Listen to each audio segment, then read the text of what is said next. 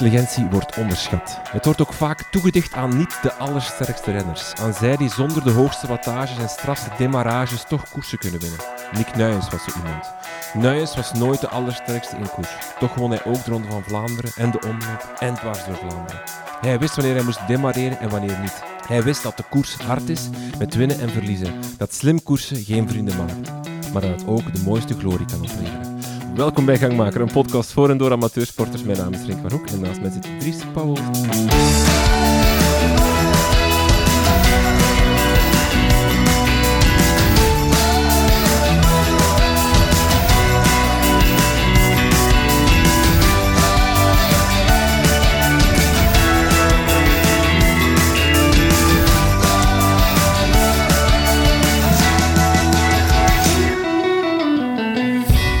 Dag Dries, Dag Renke. alles goed?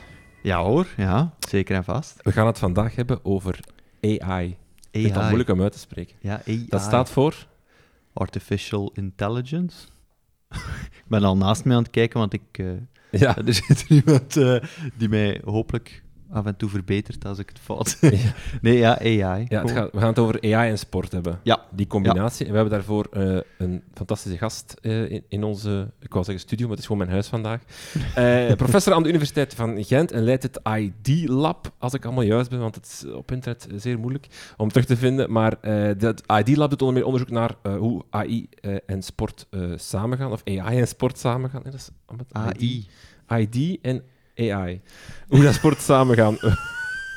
Oké, dit was de Dat slechtste gaat hier intro al vlot, ooit. eh, Renke. Ja. dat gaat- Welkom, Steven Verstokt. Hallo, welkom. Hoe gaat het? Zeer goed, zeer goed. Ja. Leg het misschien zelf beter uit. Wat doe je? En ehm, wat, doet, wat doet jouw onderzoeksgroep, hè, het ID-lab?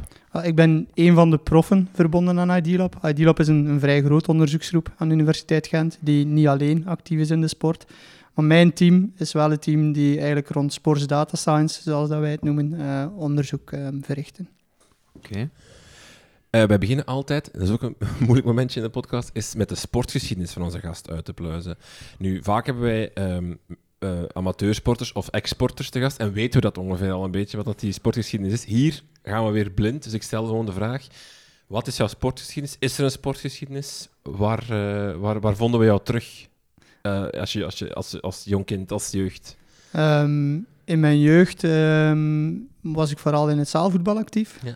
Ehm, en nu de laatste tiental jaren eh, ja, kun je me heel frequent eigenlijk op de fiets vinden. Alright. Ehm, initieel vooral mountainbike, maar de laatste tijd een mix eigenlijk van eh weg, gravel, mountainbike. Oké. Hoeveel eh, kilometer per jaar fiets je zo? Hangt een beetje af van eh, wat dat er wijzigt in de gezinssituatie. Ja. Ehm, maar ik probeer toch een 7000 kilometer per jaar eh, op Mooi. de teller te krijgen. Al eh, zotte toertochten, koersen? Ik heb gisteren nog Parijs-Roubaix gereden. Ja. Volledig? Nee, de, de 145. Ja, maar de, de, de, de, de challenge Ja, eigenlijk. ja, oké. Oh my. En nu liggen ze erbij, de kasseien. Gisteren lagen ze goed, want het was prachtig weer. Dus, Ja. ja. Goeie dag uitgekozen, inderdaad. Ja, maar ja. Ja, de, podcast komt na Parijs-Roubaix uit, dus het is... wordt, en wordt kunnen- opgenomen tussen ronde en ja, dus wij zitten voor. Parijs-Roubaix, Ja. maar de mensen luisteren na Parijs-Roubaix. Dus een voorbeschouwing heeft niet veel nut. Maar kijk, Eh, ja. maar dus- kunnen al zeggen dat ze er goed bij liggen. Ja, voilà. Dat, dat is toch al belangrijk. Eh, Maar goed, ze Ja, liggen nee, er nooit ja. goed bij, nee, denk nee, ik. nee. Was het leuk? Ja, ja, natuurlijk voor iemand die van kasseien houdt, is zoiets Jij houdt leuk. van kasseien. Ja, ik, We hebben hem gevonden. Nee, nee jij ook, hè? Oh. Nee, ik vind het verschrikkelijk. Ja, toch? Echt waar, ja. Ah, Oké. Ik vind het ook echt, ook echt verschrikkelijk. nee. En wa- wa- waarom? Ja, waarom? Die liefde? Allee, we schrappen dat AI-thema. We gaan het hier nu gewoon hebben over anderhalf uur diepteanalyse van waarom dat je van kasseien houdt. maar zoals je misschien ziet, ben ik niet echt een klimmerstype ook. Ja, Dus, wij ook eh, Dus- moest ik op zoek gaan naar eh, ja, een discipline, als je het een discipline mag noemen, die, die mij beter ligt. En, en ja, ik kan er wel vlot overrijden, dus daarom denk Ja. ik ook dat het mij ligt. Ehm, Ben je iemand die zo op een gewone zondagse rit met de vrienden en er is dan toch een strook kassei die dan toch altijd versneld en vol een bak gaat? dat probeer ik toch, ja. ja, ja, ja, zo toch, als we wat de kassei dat, dat vragen, zo, die Maar dwingen dat af. Hoe sneller je gaat, hoe Ja, minder pijn ze doen ook. Ja. Dus, eh, En wat was de, de ergste? Allee, of wat was de moeilijkste strook? Is het Carrefour de Larbre of is het toch... Carrefour de Larbe ligt mij wel eigenlijk. Omdat, het is een vrij technische strook, dus Ja. met het feit dat ik een beetje mountainbike verleden heb, Ja, ja, ja. kun je, het zijn een aantal bochten in het begin. Oh, ja. En als je die vlot durft nemen, dan heb je natuurlijk een voordeel ehm, ten opzichte van eh, de andere waarmee dat je op pad bent. Ehm, de moeilijkste, eigenlijk na het bos van Valère zijn er een tweetal stroken die een 3 à 4 kilometer lang zijn. Mhm. En die hakken er toch wel in, zeker omdat je dan net het, het bos verteerd hebt. Eh, het bos is verschrikkelijk, maar, maar dat weet je. Ja, ja, ja. ja. Het is die, de, de sluipmoordenaars achter het bos. ja, Ja, dat is- inderdaad. Dat is een beetje zoals dat wij bij de Flandrien Challenge eh, wisten we dat er nog heel veel hellingen moest- moesten komen. En, eh, en dan hebben we ook bij de muur van Gerardsbergen, dat viel veel beter mee als dat we dachten op voorhand. Ja, Allee, het is anders Dat is dan... een beetje hetzelfde, geanticipeerd al wel. Inderdaad, ik denk in het bos hou je misschien een beetje in, alhoewel dat dat niet zo verstandig is om je daarin te houden. Want dan, eh, kan ook moeilijk. Eh, Nee. Bedoel, dat is like de muur oprijden. Je kunt dat wel een beetje ingehouden doen, maar je moet toch... Ja, Je gaat wel een beetje in het rood, hè. dat kan niet anders. Allee, anders valt het omver. Allee, ik het toch. Ja, want kun je inhouden op kassei? ehm, ja, Allee, inhouden. Ik bedoel... inhouden is een groot woord, maar je kunt wel zorgen dat je niet vol, vol, voluit gaat eigenlijk. Ja, Eh, Maar dat is toch hetzelfde als... Wat ik ook meermaals al meegemaakt heb, is stilvallen op de Oude Kwaremond. Dat is toch Ja. het meest vreselijke wat er is. Ja, ja. Omdat je dan... Gaat er niet vooruit. Je, je, je, sp- allee, je bounced echt. Je, je, ja, dan je- vlieg je, van er niet- kassei naar Je kassei. vliegt van kassei naar. Dus alles, alles komt toe en je gaat geen meter vooruit. En je hebt ook geen kracht meer in je been om dat, om dat terug te herpakken. Want Nee. het terug herpakken kost zoveel energie, omdat je, je zit in die, met zoveel weerstand.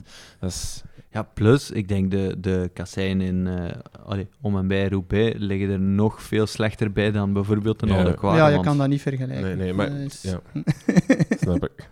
Ehm wat ging ik nog vragen? Ben het kwijt. Eh, mooiste dag op de fiets? Eh, Strade Bianchi. Ook al- Oké. Ja. Dat is echt wel de, de mooiste dag op de fiets geweest. Eh, ik- ja. Het is, het is, eh, een shout-out naar eh, eh, een andere mede-contentmaker qua ja, cycling, ja. zullen we even, naar Douwe. Douwe doet dingen. Een YouTube-kanaal, die is dit jaar eh, naar Strade geweest, heeft de Gra- Gran Fondo ook gereden en zo, een hele reportage, allee, een heel docuutje over gemaakt. En, en het vat wel heel mooi, allee, of, ik, ik weet het natuurlijk niet, maar het, het toont wel hoe mooi dat die koers en hoe mooi dat, dat landschap en hoe mooi dat, dat, dat daar fietsen is eigenlijk. Maar, eh, Wat maakt die zoveel mooier dan anderen? Ehm, ja, sowieso de, de, de gravelstroken die ertussen zitten, maar ook de omgeving. Ja, de, Mm. denk de mooiste aankomst die er is. eh, ja, Siena, ja. Bovenop eh Piazza del Campo. Dus ehm, ja, ik denk de mix van alles een beetje. Oké. Ehm, met- over Strade misschien nog de vraag. Is het, want die gravelt ook, zeg je. Is, is, is Strade een gravelkoers meer, of is het meer toch een wegkoers? Hoe zwaar is die gravel, vraag ik me eigenlijk af. Is dat vond, gewoon eigenlijk... vond hij toch vrij zwaar. Oké. Eh, Ik denk iemand die geen ervaring erin heeft, die zal toch in de strade op, op, op die segmenten eh, serieus verschieten. Ja, ja, ja, oké. Eh, zwaarste dag op de fiets? Goh, dat is een moeilijke. Ehm, Omdat er zoveel zijn? Of omdat er zo ja, er zijn er toch een paar geweest. Ehm Daar moet ik even over denken. Ehm, Of kies er gewoon één, we weten toch niet wat de echte zwaarste was. ja, misschien toch de, de Muro di Sormano in eh, Lombardije. Ik heb ook Lombardije gedaan. Oké. eh. Dus eigenlijk ook met ons werk or- organiseren we jaarlijks eh, een fietsreis. En dan proberen we zo... Amai, waarom doen wij dat niet met ons werk? ja. ja, maar wij worden... Ja, nee. ja. Worden jullie... Nee, nee, we betalen dat zelf. Ah, ja. daar niet voor, niet Dat is geld van onderzoeksgroep dat we dan gebruiken. Ja, we hebben ooit vol enthousiasme We hebben hier net vrouw de brood... gevraagd aan onze directeur om te sponsoren twee jaar geleden. Of de wilden truitjes. de truitjes niet sponsoren en dat was... We We kregen een We directe werken op een school. Dat was nu ook wel echt Ah, jullie zijn eh, collega's. Ja, ja, we Ja. zijn leerkrachten, collega's. En, maar ja, op een school gaan vragen, dat is super. dat was nog niet het beste idee. Ehm Oké, Ronde van Lombardije. Dus elk jaar een fietstocht, eh, of een, fiets, een fietsvakantie naar zo'n iconische... Ja, we proberen er altijd wel een Gran Fondo of een uh, En naar waar gaan we dit jaar? Of was dat Roubaix net? Dit jaar eh, ligt het wat moeilijk, omdat ik net... eh, normaal doe ik dat in september. En eh, ik word tweede keer vader in september. Dus Ah, ja, dit, jaar, ja. dit jaar ga ik het niet verkocht krijgen. En aangezien dat ik het organiseer normaal jaarlijks... Dus niemand gaat. Wauw. Voorlopig ziet het er zo naar uit. Als jij niet gaat, Ja, het is goed als u belang Ja, nog blijven om, om Ik denk voelen. dat zo. vooral de organisatie zelf is die hun een beetje eh, afschrikt soms. Is het veel werk, zo'n fietsvakantie organiseren? Ja, als je twintig man wil meenemen met hun Ja. eigen fiets en zo, ja, je moet al een deftig hotel vinden. Dus Liefst. dan vliegen ook altijd als je voor- naar Strade gaat? Ehm, adviestransport doen, doen wij zelf met een aantal. Ah, ja. Ehm, en dan eh, het grootste deel van de collega's die vliegen wel. Ah, ja. Dus met busjes dan naar daar rijden? Ja, ja. Is, is Lombardije dan echt zo zwaar? Of hoe... hoe... Ehm, goh, die, die Gran Fondo is niet zo zwaar, want eh, na, na 50, 60 kilometer zit hij er eigenlijk op, omdat je Mhm. vooral die Muro di Sormane en eh, ja, die klim die er net achter komt. En eigenlijk heb je dan de meeste hoogtemeters gehad. Maar ja, ik denk dat iedereen die er naartoe gaat de eerste keer vooral die muur wilt eh, overwinnen. En ja, die... nou, dat is toch ook iets dat ik nooit zal vergeten. eh. Eh, dat- niet dat ik ze twee keer zou kunnen oprijden. Ik Ah, ja. ene keer eh, boven geraakt, maar denk niet dat een tweede keer zou lukken. Wat staat er op je bucketlist? Is er nog iets wat je echt, echt nog wil doen? Ja, ik heb nog nooit in Spanje, zo de Sierra Nevada en zo. Ehm, dat zou ik wel graag ook eens doen. Ja. Het staat nog veel op mijn bucketlist. maar, Ja, ja, nu, ik, fiets even, ik fiets ook graag in Vlaanderen en zo. Dus Mhm. Bij mooi weer kun je er ook prachtige dingen doen. Dat. Absoluut. Ehm, AI in de begin echt een AI kunnen we ook zeggen, hè?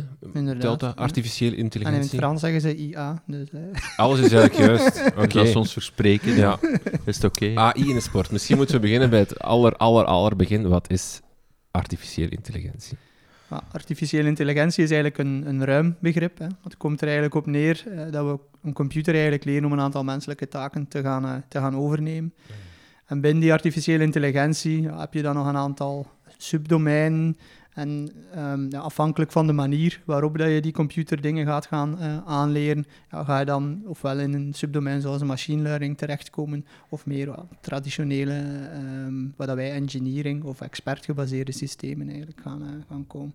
Dus komt erop neer dat je ofwel zegt tegen je computer van, oké, als je dit en dit en dit en dit ziet en het heeft die en die en die eigenschappen, ja, dan is het dat object bijvoorbeeld hè, dat je ziet.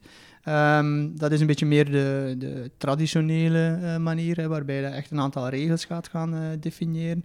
Nu recent, hè, de voorbije eh, tien jaar, heb je meer dan die, die learning-gebaseerde aanpak. En dat is eigenlijk meer op basis van voorbeelden, dat je zaken gaat gaan aanleren. Je geeft hem duizend voorbeelden van een renner van Quickstep, je geeft hem duizend voorbeelden van een renner van Alpecin, en dan vraag je hem om in een beeld een van die twee renners te kunnen gaan herkennen, Mhm. bij wijze van Een beetje zoals eh chat, GPT. Ja, onder dat andere. nu... ja. eh, allee, Dat is nu Een hele inderdaad de bekende hype rond, waar dat we eh, de voorbije maanden eh, iedereen eh, van wordt. mee doodgeslagen. Dus maar dat- is maar één, dat is een taalmodel. Hè, dus dat werkt op, enkel op tekst eigenlijk. Mhm. Dus je, je kan daar dingen aan vragen en dan geeft dat antwoord. Mhm. dat is, maar dat is maar één aspect van AI. Dat is maar één Dat is aspect, niet dat, dat dit is AI. Hè. Dus, Nee, nee, je Mhm. kan AI op beelden toepassen, je kan AI op sensordata toepassen. eh, Heb al eens met Journey geprobeerd, Dries? Ik heb, echt waar, ik heb nog nooit iets van... Met Journey is super tof. AI dan kan je zo een, een, een prompt noemt dat.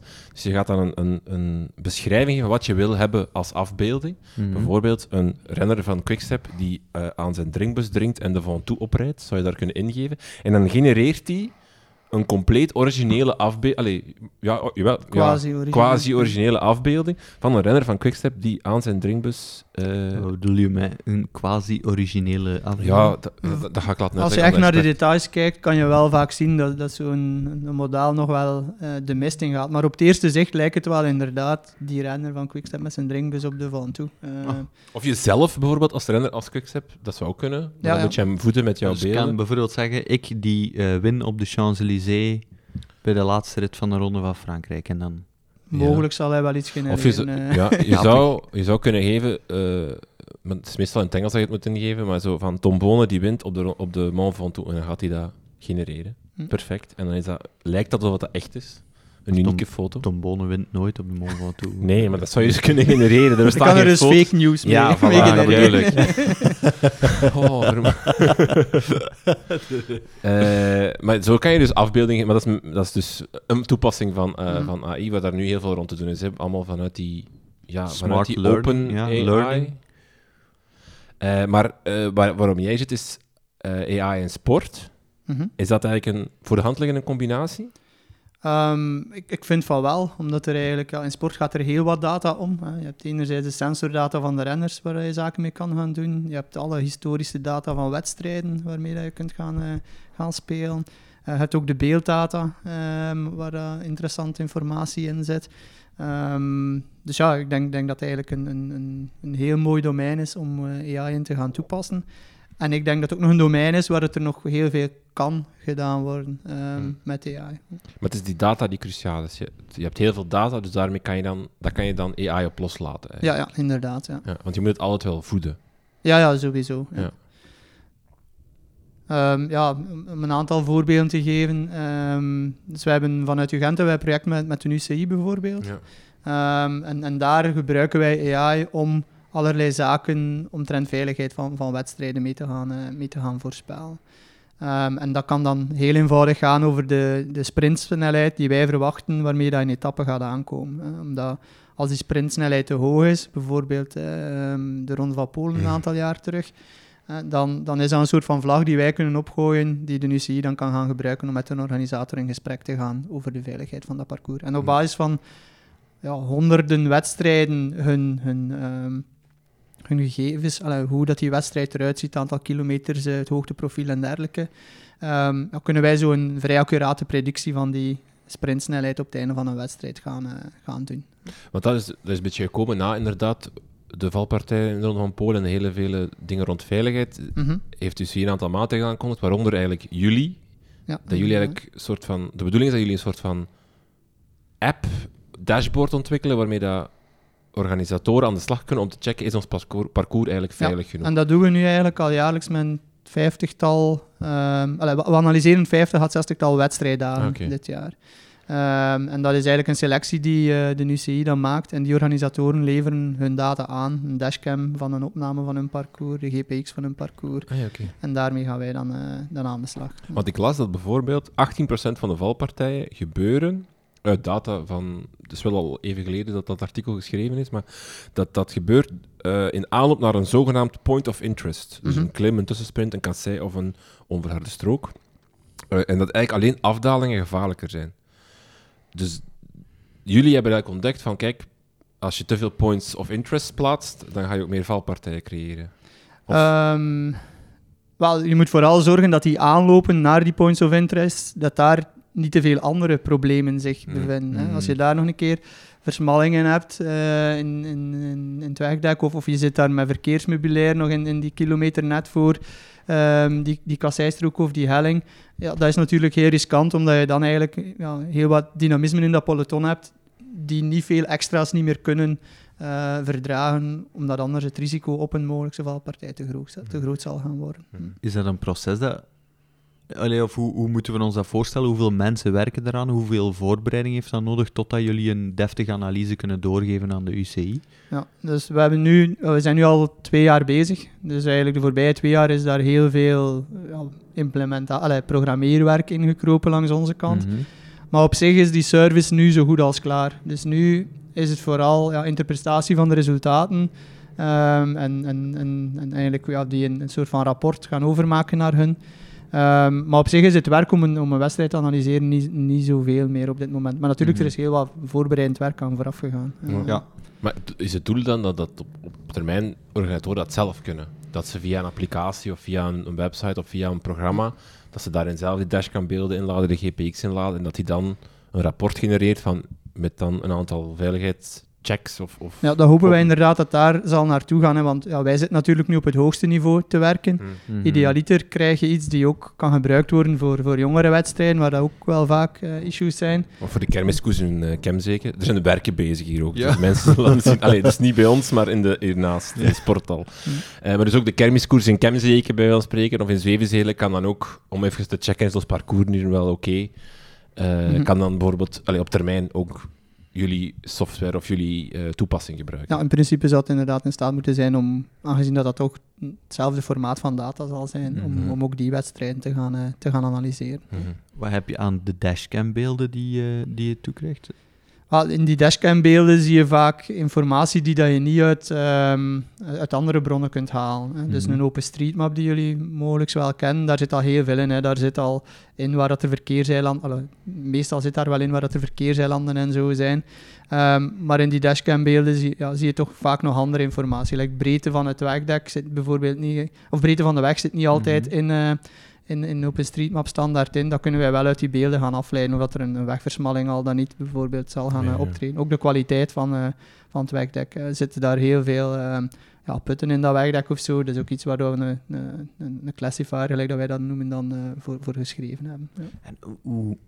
eh, Ik vind dat Hm. ongelooflijk, maar hoe, hoe kan een programma dat lezen? Hoe, hoe, eh, jullie programmeren dat uiteraard, maar hoe, hoe, hoe wordt dat gezien op, een, op enkel een beeld, een putje bij wijze van Ja. spreken?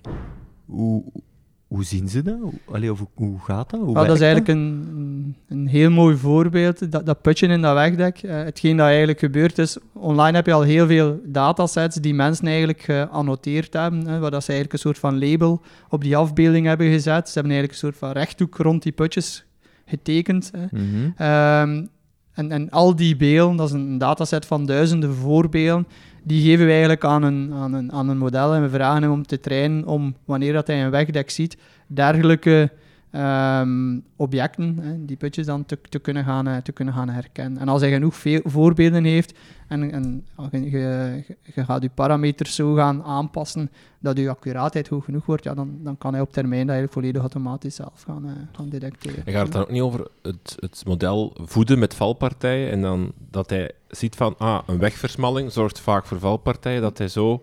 Ehm, dat, dat is een hele moeilijke, omdat, ja. omdat je die beelden meestal niet, niet altijd hebt. Plus ja, je zit dan met heel wat problemen, omdat ja, je renners gaan je wegdek eigenlijk al gaan, gaan blokkeren. Ehm, dus wat wij eigenlijk doen, we doen twee dingen. Hè. Enerzijds maken we iets om, om eh, de, de parcours mee te gaan analyseren, maar we hebben ook voor de UCI een databank gebouwd van alle incidenten die gebeurd zijn in het verleden. Dus wij screpen eigenlijk al informatie over valpartijen Mhm. en we gaan eigenlijk in de, de textuele info die bijvoorbeeld op een Twitter gepost wordt over die valpartijen, gaan we gaan kijken wat dat de oorzaken zijn. Mm, en die ja. meeste oorzaken gebruiken we dan om onze, eh, ons model voor onze screening mee te gaan. Want je eh, zou kunnen analyseren hoe... eh, Je zou kunnen... Want je hebt één kant dat jullie red flags aan dat model gaan zeggen van ja, een putje in de weg is een red flag, dat is een veiligheidsissue, maar je zou ook valpartijen kunnen gaan analyseren van hoe komt dat dat dat nu gebeurd is. ja, ja. Dat doen jullie dus ook. ja, maar dat is op textuele informatie. hè. Dus dat is een ander voorbeeld. Hè. ehm, wat dat we ehm, ja, natural language processing noemen. Hè. Dus taalkundige analyse eigenlijk dat we gaan doen. Ehm, en daar proberen wij ja, de, de oorzaak, de impact van het incident in te detecteren. We zien ook wie van welk team eh, dat er de... ehm, dus dan kunnen we ook wel leuke statistiekjes genereren over eh, wie dat de grote vallers eigenlijk Kan je er meegeven? Maar ik denk dat je er zelf een aantal voor regeert. Maar Roglic, ik zeg Ja, Roglic. Die staat zeker in de top 10. Renken nu staan nu. Eh, maar zijn er tendensen wel te zien zo, rond die analyse van rond valpartijen? Van... Want ik, ik las ook in datzelfde artikel dat het aantal valpartijen wel drastisch is toegenomen in het peloton. Inderdaad. En ja, er wordt vaak naar de, de UCI gekeken van doen die nu niks rond, rond safety. Maar, maar op zich doen ze eigenlijk... allee, achter de schermen zijn ze wel heel wat aan het doen. Nu natuurlijk, zij, zij kunnen het niet alleen doen. En dat is ook iets dat wij merken. ehm, dat ja, de organisatoren moeten toch ook wel een beetje hun verantwoordelijkheid nemen. En ik denk dat we in Vlaanderen daar, daaromtrent ja, heel, heel goed zitten. En de Flanders Mm. Classics doen, doen schitterend werk op, op vlak van Maar Hoe safety. noemt dat merk nu weer? Eh, met die, zo die, die gele kegels? Die Eh zo... Boplan. Ja, Eh, ja, ja, ja, ja, ja.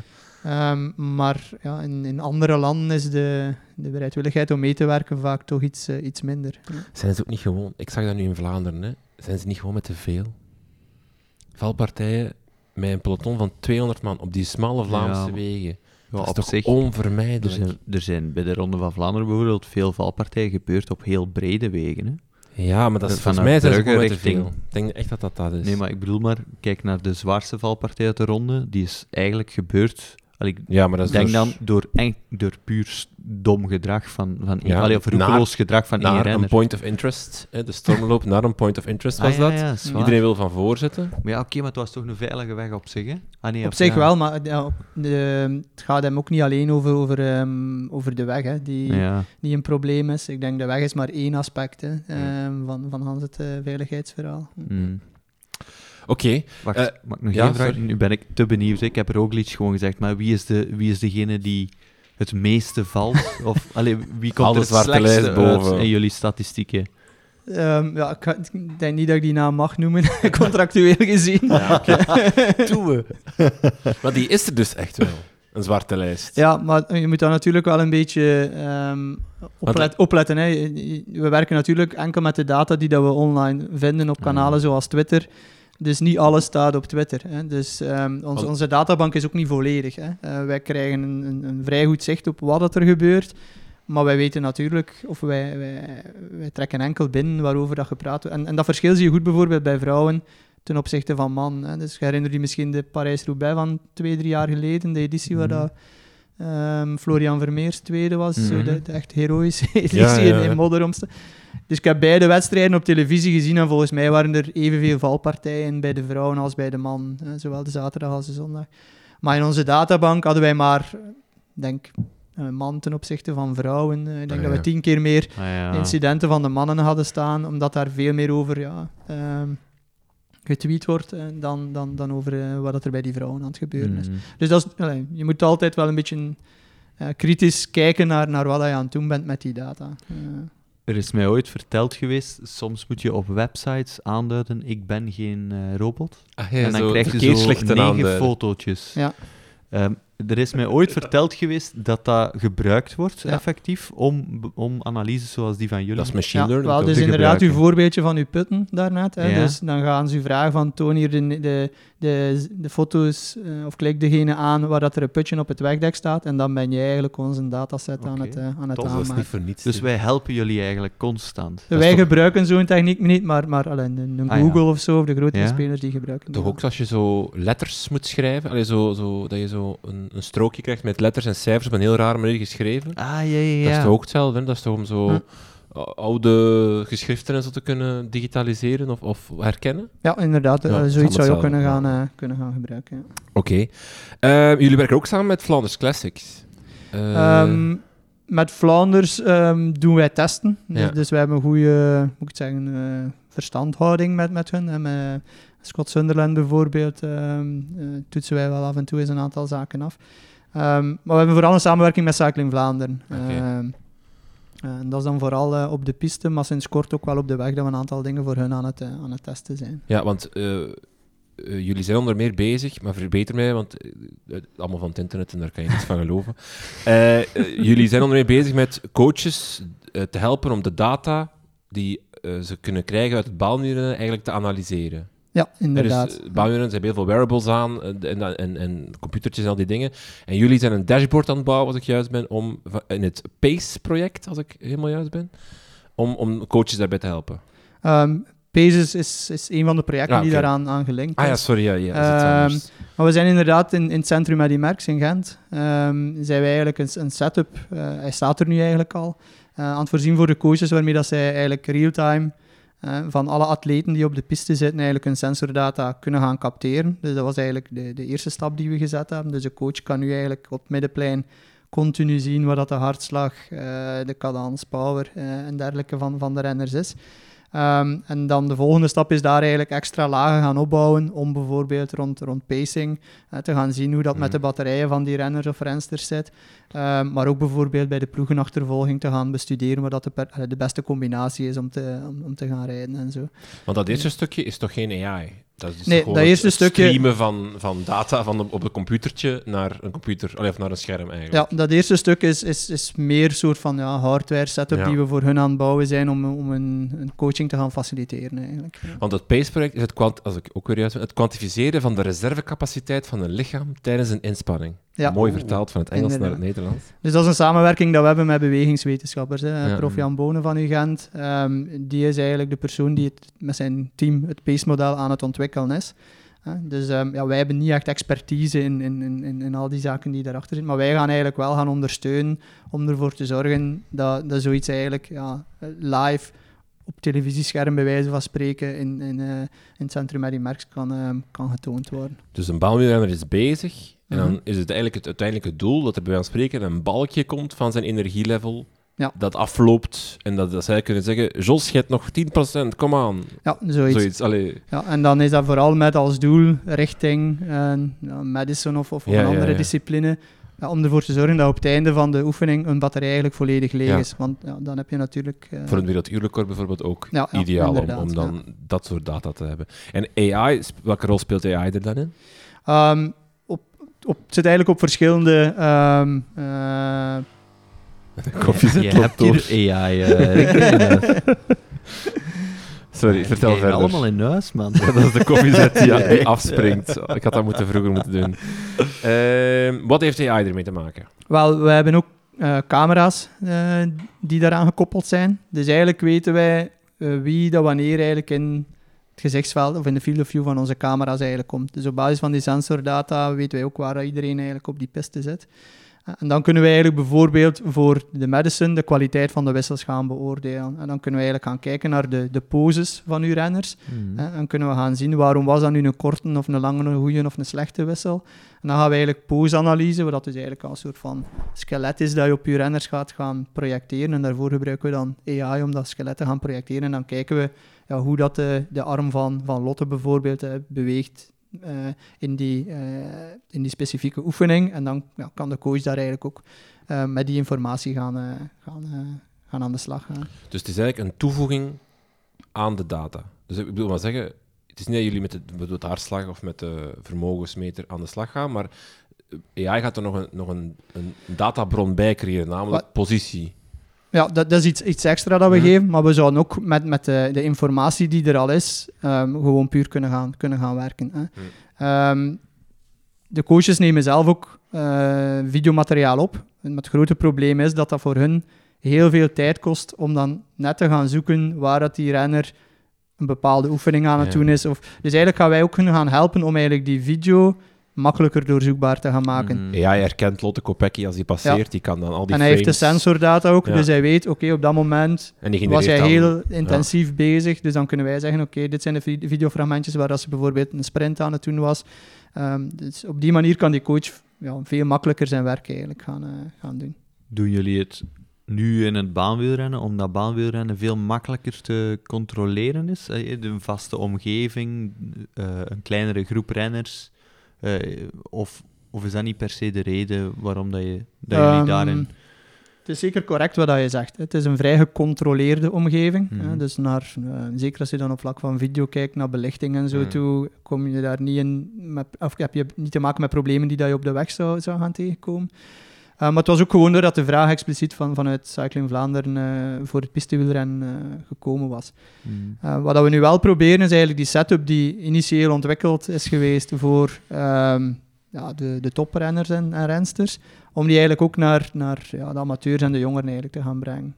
En dus nu hebben we eigenlijk een setup gebouwd die wij onze slimme camera noemen, die we ook langs de wielerwedstrijden op het parcours kunnen gaan zetten. En die eigenlijk ook alle renners en rensters die aan de paal passeren identificeren. En die ook bijvoorbeeld eh, dan naar de, de fans of de ouders die langs de kant van de weg staan, eh, ja, tijdens de wedstrijd al beeldmateriaal van hun renner of renster kunnen gaan sturen. Eh, maar waar je ook achteraf analyses kunt gaan op doen. dus, Mm, ja. Alright. Ehm, wat is het Van Toe-project? Dat is eigenlijk meer dan een project voor de, de wieler van die thuis in zijn zetel naar, naar de koers Ah, het gaat over ons. zitten kijken. en daar werken we vooral samen met eh, IMG, eh Videohouse, die de meesten waarschijnlijk wel zullen kennen. Dus de grote trucks die dat je eh, Ja. langs de, de wedstrijden ziet staan, die eigenlijk al- alle beeldcaptatie doen uit de helikopter op de moto's en zo in, in, de, in de Mhm. wielerwedstrijden. Ehm, en ja, zij zijn eigenlijk op zoek naar, ehm, naar oplossingen voor een probleem waar dat de media de dag van vandaag mee geconfronteerd wordt. Dus dat de jongere generatie ehm, een beetje afhaakt voor de langdurige eh, Ja. uit, of, of de traditionele manier waarop dat sportverslaggeving gebeurt. Ehm, en, en ja, ze zijn op zoek naar nieuwe formats om, om meer ja, gepersonaliseerde samenvattingen eh, te kunnen gaan genereren, maar ook om virtuele elementen in die, ehm, in die beeldstromen te kunnen gaan eh, introduceren. Kan, je, kan je een voorbeeld Ja, geven? ik ook vragen. Ehm, Allee, of van iets dat, dat, dat bijvoorbeeld waar jullie mee bezig zijn, of, of iets eh, wat, wat misschien wel heel interessant kan worden als het in beeld kan gebracht worden? we zijn nu in eerste instantie vooral op de, de helikopterbeelden van, uh, van hun aan het focussen. Um, en waar dat we daar AI dan gebruiken is voor de geolocalisatie. Dus we willen eigenlijk van elk beeld weten uh, waar dat, dat beeld geschoten is. Oh, ja. Dus zodanig dat je al automatisch in die beelden kunt gaan zoeken. Als je na een wedstrijd zegt van dit waren mijn segmenten, uh, bijvoorbeeld van een Ronde van Vlaanderen, geef je hem de lijst van uh, de, de hellingen, dat hij automatisch eigenlijk een samenvatting van al die hellingen bijvoorbeeld kan gaan maken. Hè. Mhm. Dus daarvoor moeten we die hellingen in dat beeld eigenlijk kunnen gaan, kunnen gaan herkennen. Maar ook voor die virtuele elementen. Er is al heel wat te doen geweest soms over banners hè, die, of, of, van die bogen die men over mhm. het parcours eigenlijk gaan, gaat plaatsen. Ja, misschien op termijn, hè, binnen, binnen vijf jaar, moet men die niet meer gaan plaatsen, maar kan men die eigenlijk gewoon in de videostroom gaan, gaan, gaan, gaan inbrengen, eigenlijk virtueel.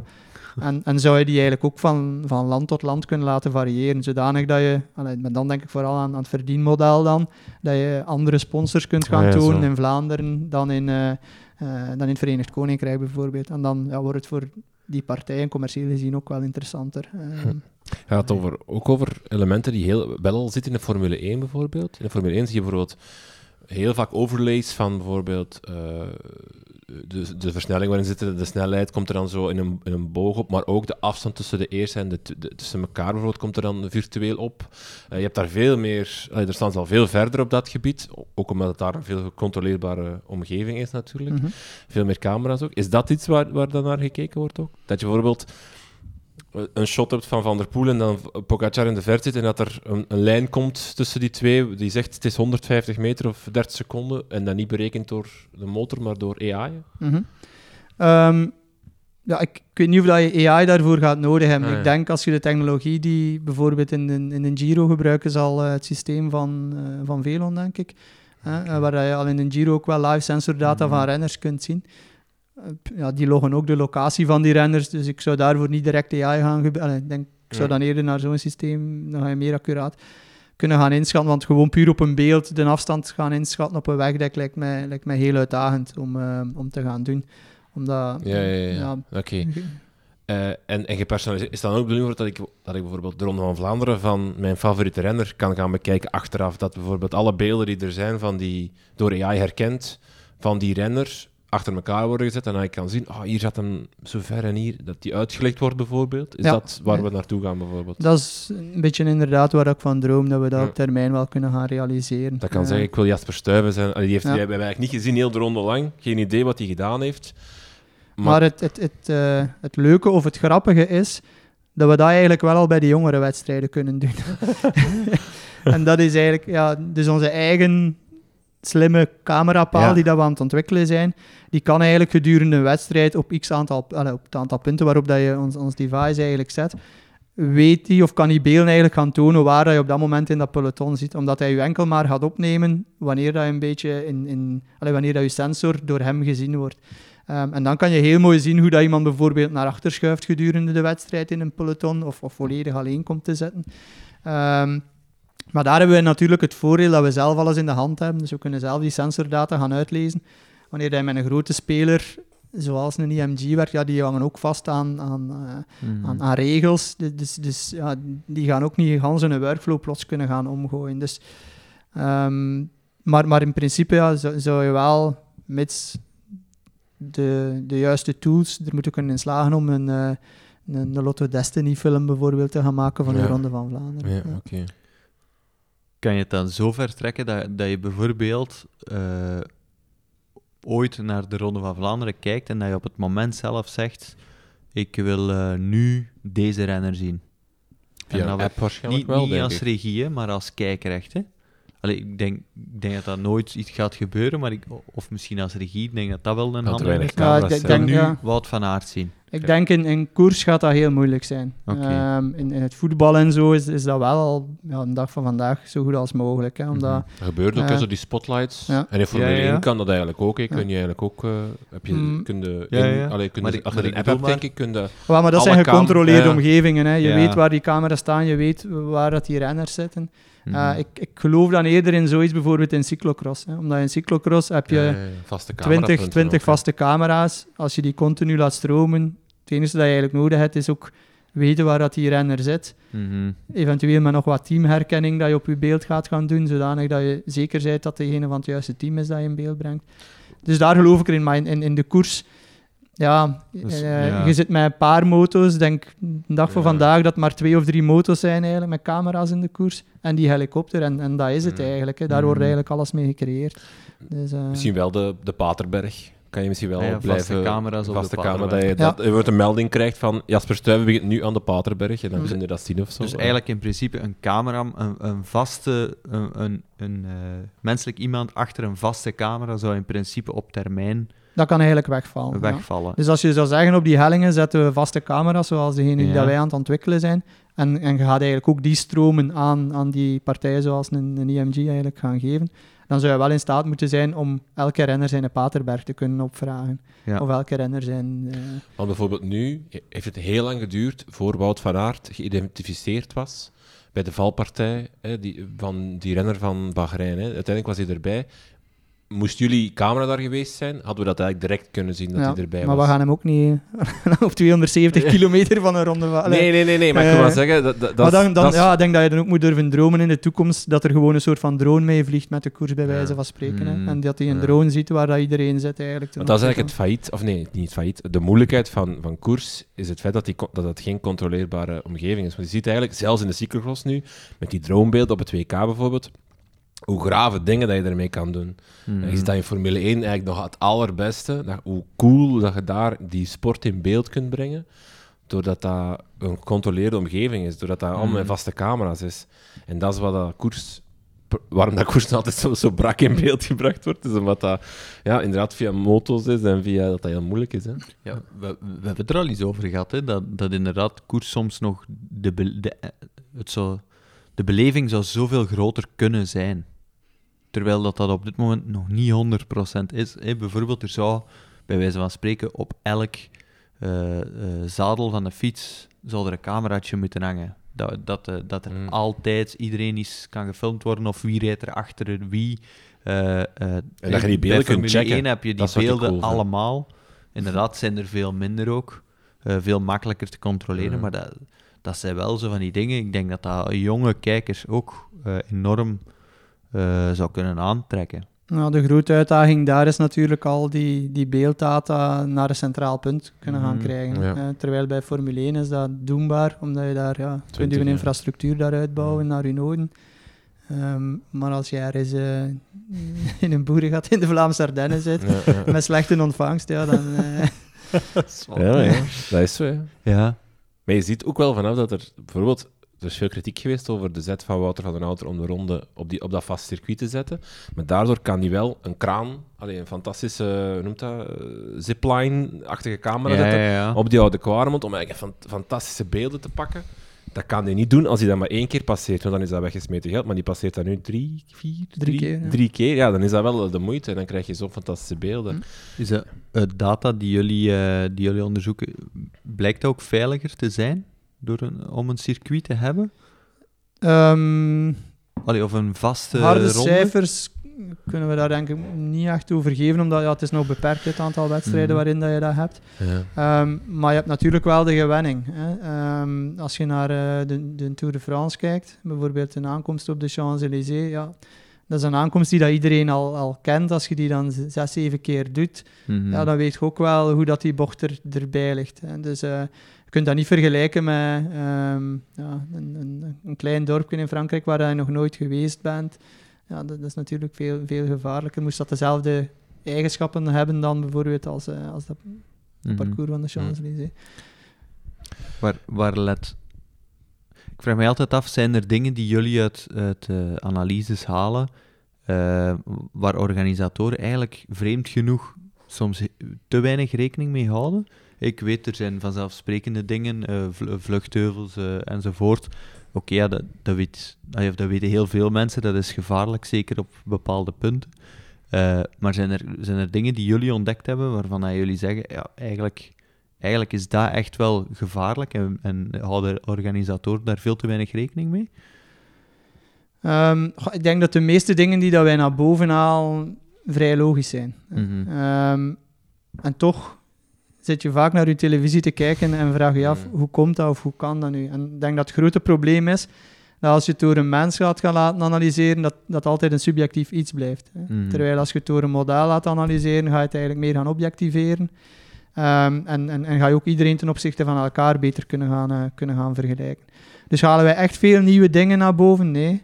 Ehm, Maar toch grondiger en sneller. ja. en- Plus, plus wij gaan ook naar boven halen of dat ze de rekening houden eh, met die aspecten of niet. Hè. Dus we hebben dit jaar een aantal wedstrijden gedaan ehm, eh, in, in Vlaanderen. En, en eigenlijk, ja, meestal is dat routeboek van die organisatoren altijd in de puntjes in orde. En, Mhm. en kun je weinig gaan opmerken, of zijn de dingen die dat je opmerkt al, al, ge- al gecoverd door hun. Ehm, in andere wedstrijden merken wij toch van ja, dat, dat, dat er daar. Het is ja, ook een controlemechanisme Ja, van de UCI naar organisatoren Mhm. toe. Maar nieuwe dingen, goh, niet direct dat ik mij voor de geest kan halen. Of, of zaken waarvan dat ik echt verwonderd was. Dan, Mhm. eh, Wat is eh, project Daikiri? Is dat het feestje op vrijdagavond met de cocktails? Of is dat ook iets met AI? Ehm, dat is ook iets met AI, maar daar lag de focus volledig op eh, cyclocross. Ja. Eigenlijk, eh. dus dat was ook ehm, eigenlijk automatische storytelling in cyclocross. Zodanig dat het, het probleem dat je nu hebt met cyclocross is ehm, ja, dat de focus vooral op, op eh, de eerste vijf renners ligt Mhm. eigenlijk. Mm. Waardoor dat de, de supporters van, van al wie dat erachter komt eigenlijk wat in de kou eh, achterblijven. Ehm, en, en ja, doordat je in zo'n gecontroleerde omgeving daar zit, zou je ook stromen voor die, die, die ja, minder eh goede renners kunnen gaan, eh, kunnen gaan genereren. Mhm. Ehm, en hetgeen dat we daar ook getracht hebben, is om eigenlijk naar de regie toe al ja, te kunnen gaan ehm camera-selectie automatisch te gaan doen. Zodanig dat zij op basis van wat wij zien in de sensordata, dat wij zeggen die camera heeft waarschijnlijk op dit moment of gaat de volgende vijf seconden het meest interessante beeld gaan, eh, gaan opleveren. Dus dat zijn Ah, een grote wal met camera's in de gaten moet houden, dat je eigenlijk al een beetje kunt gaan ordenen van ja, dit zijn de camera's waar dat ofwel iets gebeurd is of, of waar dat we verwachten dat er iets gaat gaan, eh, gaan gebeuren. Dus die gaat aanvallen volgens de data of die gaat versnellen. Krijgt de regie een- Of is dat... Dat is soms heel moeilijk voorspelbaar, maar ehm, ja, je, je kunt bijvoorbeeld op je basis van je sensordata zien dat er daar plots een groot verschil, uit- verschil is in snelheden. Ehm, ja, meestal bufferen zij ook wel ehm, een aantal seconden. De- allee, dus je kunt wel ze gericht gaan sturen naar, naar welke beelden dat ze moeten gaan, eh, Hmm. gaan gebruiken. Want ik ben hier weer met mijn Formule 1, maar ook daar is het soms heel saai aan de top. Hè? Max Verstappen is weg en dat is eigenlijk voor 50 ronden lang. Maar wat dan wel super tof is en heel leuk is en ook in goed in beeld gebracht wordt, is dan bijvoorbeeld de, de strijd om plek 8 en 9. Dat is vaak dan een zeer eh, over, allee, dat is dan in Formule 1. Dat zou je in cyclocross ook doen, maar dat zie je dan niet gebeuren, want dat, dat, daar is inderdaad geen. Dan zou je wel aan de hand van AI of en van die, van er is daar een epische battle bezig, jongens, Mhm. tussen Corné van Kessel en een andere. Eh, focus daar wat meer op, want de woud is weg en doe, allee, Ja, ja, niet, inderdaad, niet om, ja. dat je zo kan zeggen van ja, maar dat, ja, ken jij zoveel? Nu lijkt het alsof dat je één renner kent bij het veldrijden. Maar we hebben hem wel gevonden, de fan van Corné. van Ik zou eigenlijk niet Excuses, weten. Corné. Rijdt hij nog? Ik heb geen idee. Nee, maar dat is ook iets wat dat... eh, Ja, ja. Want het ging ook over hockey, ben ik daar Ja, dat was een mee? andere sport dat we Ja. bekeken hebben ook in het project. Want ik las dan dat je bijvoorbeeld... Want verhalen genereren staat er dan Mhm. bij. Wat, wat, wat versta je daaronder? Is dat dan... Wel, bijvoorbeeld op een Sporza heb je nu ook tijdens je, je wedstrijden ehm, heb je ook textuele eh, De verslaggeving. live ticker, of Ja, ja. zo de live. Ja. Ehm, maar die zou je eigenlijk ook kunnen gaan automatiseren. Dat Ja. eigenlijk die zaken eigenlijk, ja, geschreven worden door een machine en niet meer door eh, een persoon. Ja. Sporza wordt gehalveerd in personeel. Ja, want sommige Sporza live versl- verslagen Zijn eh, al automatisch, zijn toch hè? bijna Van geautomatisch. zo'n Ja, ja. voetbalmatchen in het Mm. buitenland of zo is dat. Ja? Ik denk dat zij al ja, waarschijnlijk gelijkaardige dingen gaan, eh, gaan gebruiken voor En sommige sporten. een live game, of is dat de information chatbot? Is dat wat je net nu bedoelde? Of Ja, dat- ja, ja, ah, oké. ja. oké. Oké. Eh, er is ook een project rond bikefitting in AI, als ik juist ben. Eh, Er is een project geweest Ah, oké. ehm, met BioRacer Motion. Ja. Ehm, hadden wij een doctoraatstudent die ehm, eigenlijk ja, hun eh, ging assisteren om, om meer data gedreven eigenlijk iemand te gaan positioneren. En de reden was omdat er toch ook wel heel wat subjectiviteit rond, of bij bikefitters eigenlijk eh, zit. Dus eerst hebben wij een soort van test gedaan, waarbij dat we eh, twee van onze onderzoekers, redelijk sportieve fietsers, met dezelfde afstellingen naar verschillende bikefitters hebben gestuurd. En, en ja, er zat toch wel heel grote verschillen op hoe dat zij eigenlijk teruggekeerd zijn. Ehm, ja, veel hangt ook af waarschijnlijk van, van het verhaal dat ze daar zelf gedaan hebben. Allee, het is een soort van, eh, je bent ofwel op zoek naar meer comfort, naar, naar meer Ja. prestatie-gebaseerde houding. Ehm, dus je kunt niet één op één alles met elkaar, maar, maar het was toch wel frappant hoe groot dat de verschillen waren. Dus wel, we dachten een soort van second opinion, een systeem dat eigenlijk een bikefitter kan gaan zeggen van ja, maar op basis van de data die we gezien hebben van alle anderen die in ons systeem zitten, zouden we misschien ja, hem ook een soort van warning gaan geven van die afstelling zou ik nu toch niet gaan doen voor, voor die persoon bijvoorbeeld. Ja. En dan nog het, het, het laatste project dat ik gevonden heb, het, het Hazard-project, of het project om bl- blessures. Ja, juist uitspreek. Ehm, dat was eigenlijk vrij kleinschalig. Eh, in, in het voetbal hebben we met vier clubs ehm, een tweetal jaar dataverzameling gedaan. Dat was met Gent, eh Standaard, Zulte Waregem. Ehm, en wie was de vierde club? ik denk... eh, Anderlecht. Nee, Anderlecht zat er niet gokken, bij. Ik denk dat Cercle was die er ook nog bij zat. Ehm, en dan vooral eigenlijk richting eh, voorspelling van, van blessures eigenlijk. Eh, gekeken of dat we op basis van enerzijds de registratie die dat zij gedurende die seizoen hadden gedaan van de blessures die waren opgetreden. En hun trainingsdata en, en matchdata en, en medische data die ze ons bezorgden. Of dat we daar eigenlijk ja, eh, trends konden gaan inzien. En ehm, ja, een soort van player at risk, van welke speler dat een verhoogd risico loopt op een blessure zouden kunnen gaan, eh, kunnen gaan opgooien. Ehm, om die dan een alternatief programma te kunnen, gaan, eh, te kunnen gaan aanbieden. Kan je een voorbeeld geven van wat er dan uitkomt? Dat is eigenlijk een soort van risicoscore plus een aantal inzichten, waarop dat die Mhm. risicoscore eigenlijk gebaseerd is. En dus dat kan ehm, dan zijn dat we ehm, ja, bijvoorbeeld op basis van zijn, zijn sprints die dat hij doet en, en, en zijn, alle, alle factoren die we eigenlijk capteren, gaan we eigenlijk een soort van rapportje maken waarom dat we denken dat, ja, dat hij een hoger risico heeft dan de rest van, van de groep, eh, bijvoorbeeld. Is dat... Want we hebben nu een aantal dingen gezegd rond, rond AI. Zijn die eigenlijk allemaal op zich veelbelovend? Als in, daar zit eigenlijk allemaal, als daarop ingezet wordt en verder onderzoek gedaan wordt en verder echt wel toekomstmuziek in, waarop dat AI echt een belangrijke factor kan worden op dat bepaald aspect van de sport? Ehm, ik denk het wel, maar ja, het zal ook een beetje afhangen van, van de toepassing. Of dat je naar een vol automatische AI-systeem Mhm. zal gaan gaan, of dat je naar een systeem gaat gaan waar dat meer als een soort van ondersteunende tool zal gaan. Ja, Eh, dat de medische staf blijft... Ja, inderdaad. Bepalen, ik maar denk zeker is- die injury, dat is een, Ja. een, een, een heel, eh, moet ik het zeggen, riskant om volledig door een systeem te gaan laten eh, Ja, bepalen. ja. Maar het kan wel... Dat lijkt me wel een belangrijke trigger of zo. Als, Ja, ja. als het systeem zegt, oh, risicoscore 8 op 10 dat je blessuren hebt, dat, dat je toch... Ja, of bijvoorbeeld, allee, nu dat is misschien heel simplistisch, maar bijvoorbeeld als we zien dat eh, die eh, voetballer eh 20 eh, vol intensiteit sprintjes doet in één wedstrijd, dan schiet hij een kramp. Hm. Ja, als dat drie keer voorkomt. Allee, de- of, zoiets. ze roepen bij Ja, 18 jullie, halen dat, nee, ja, jullie halen dat eruit. Op zich is dat wel een heel goeie om voor trainers of, of de medische staf om mee aan de slag te gaan, toch? Hm. Ja. Allee, Voor welke ben je zelf het meest enthousiast? Ehm, ik denk van al het werk dat we nu in het wielrennen aan doen zijn, daar geloof ik wel het meest in dat we op, op, op verschillende aspecten in dat wielrennen iets kunnen gaan betekenen. Of waar dat, niet alleen wij, maar waar dat AI op termijn iets kan, kan gaan betekenen.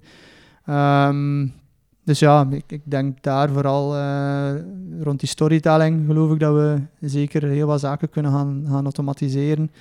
Ehm, en, en dan ook ja, op, op vlak van, eh, van die safety zijn we eigenlijk nu ook al aan het tonen dat Ja. er wel wat dingen kunnen, kunnen gedaan worden. Ja. En, en die storytelling, wanneer denk je dat we dat echt full gaan zien? Ik, ehm, Als je een datum... Zo even... volgende week. nee, dat zal nog niet voor, voor volgende week zijn, maar ja, ik hoop Mijn dat we dat... trapleuning wordt over vijf maanden. je sneller of niet? Nee, het zal niet sneller als die trapleuning zijn. Want ik vond dat al heel dan lang. is hè, de bouw tra- toch nog sneller. Nee, sorry. Ja, het, het bouwen van een huis zal nog sneller gaan. Dan. Maar het grote probleem is natuurlijk van, je kan in een labomgeving, allee, Ja. wij, wij als universiteit werken meestal in een soort van labomgeving, kan je wel heel veel dingen doen, maar om dat echt volledig geïmplementeerd te gaan krijgen, Hmm. Ehm, in, in, in die ketting is het natuurlijk eh, ehm, ja, iets uitdagender dan, dan het puur op doen. Wat is wat is je, je zotste droom om te verwezenlijken binnen AI, binnen de sport? Is er iets waarvan dat je nu zegt, misschien is het nu nog niet haalbaar, maar het zou wel top zijn als we dat ooit kunnen verwezenlijken? Ehm, ik denk een beetje voorbouwend op dat PACE-project. Ik denk ehm, dat dat wel ja, heel nuttig zou kunnen zijn voor eh, amateurfietsers zo, zo, zo, zoals ik. Ehm, ja, dat je toch wel wat sturing krijgt Hm. door een device die op je, op je, op je fiets eigenlijk zit. Mhm. Als je zegt van ik ga die Gran Fondo of ik ga die wedstrijd eigenlijk gaan rijden, dat je dan eigenlijk iemand hebt die, die meekijkt over je schouders en echt je eh, perfecte pacingplannen eigenlijk Hmm. gaat gaan, eh, gaan geven. Maar, maar ja, daar moeten ook wel nog heel wat stappen worden genomen, want dat is niet, niet puur afhankelijk van je drempelwaardes die dat je in een labo Hmm. gaat gaan tonen, maar, maar dat hangt af van hoe heb je geslapen de twee dagen daarvoor, wat heb je gegeten. De, allee, er zijn Ja, heel ja, veel aspecten die je dan is- moet kunnen gaan monitoren om, om dat op een correcte Mhm. manier, denk ik, te gaan, eh, te gaan doen. Mhm. Ja, want ze zijn nu in Noorwegen en Talpi. Ik weet niet of u dat... Ja. En Talpi is een, eh, een, eh, een, een bedrijf, denk ik, of een onderneming dat net is opgericht in, in Scandinavië. En die zijn bezig met al die statistieken allemaal samen te gooien. Mhm. En te gaan kijken van, oké, als we nu alles samengooien, kunnen we daar een handelbare software van maken die te gebruiken is voor trainers. Dus ook dat is misschien... Ja, ik denk dat de de grote ja. uitdaging daar zit, hoe dat je dat allemaal gaat gaan Ja. capteren. Hè.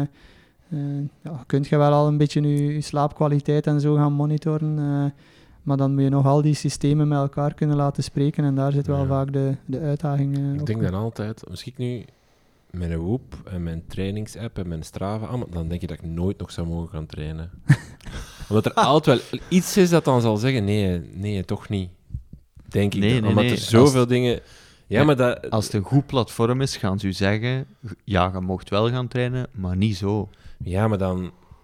Wel, ik vraag me, dat vraag ik me af. Volgens mij is dat zoveel... Dat, dat, dat verdrinkt toch ook in de data. Zelfs het systeem verdrinkt toch in de data en, en gaat dan toch verdrinken in de nuance, denk Mhm. ik dan. Ja, ik denk dat dat nu inderdaad het... het Hm. dat is het Hetzelfde, systeem, als je daar meer en meer data aan, aan Ja. voedt, dan... Maar fijn, we zijn weer aan het afdwalen. Plus, we hebben geleerd van Inge de Klerk dat al die slaapapps op niets trekken. Allemaal niet goed zijn. Dus weg ermee. Ja. Talpie. Nee, en Talpi. Ah. Wow. Eh, alright, ik ben uitgevraagd. Ik weet niet, hebben we alles eigenlijk zo van, van, mo- van mogelijkheden besproken? Heb ik iets gemist? Nee, ik denk het wel dat we toch een aantal facetten waar we AI binnen de sport gebruiken. eh, Ik ben zeer benieuwd waar het allemaal naartoe gaat. Ja. Merk je, want natuurlijk onderzoek doen heeft ook te maken met geld en met mogelijkheden en met, eh, met, met beschikbare dingen. Merk je nu, nu dat er zo rond die ChatGPT en, en, en eh, eh, al die dingen, dat er zo een boost rond AI, dat het ook bij jullie meer bruist of meer mogelijkheden gaan komen? Het is misschien nog wat snel om daarvan te spreken, maar... Maar het, blijft, hoe raar het misschien ook mag klinken, een moeilijk om aan funding te geraken binnen eh, dit domein. Hè. Dus eh, Mhm. er gaat heel wat geld in de sport eh, om. Maar ehm, het, is niet zo eenvoudig om, eh, om, om, om, om geld voor, voor dit type onderzoek eigenlijk te gaan, te gaan vinden. En daarom kijken wij soms ook wel naar, naar domeinen die een beetje aanleunen bij sport, maar, maar niet puur sport zijn. Hè. Dus bijvoorbeeld nu met Defensie, daar zijn wel veel middelen aan het vrijkomen op dit moment. Dus daar zijn we ook bijvoorbeeld aan, aan het kijken hoe kunnen we voor defensiezaken gaan doen die misschien op termijn dan ook Ja, ja, voor, ja. voor sport interessant zouden Die kunnen mannen moeten ook sporten, hè. Absoluut. Ja, die trainen. hebben ook grote problemen. Hè. Die hebben een vrij grote uitval. Eh, heel wat recruten die vroegtijdig eigenlijk afhaken met de opleiding. Dat is een vrij grote verliespost eigenlijk.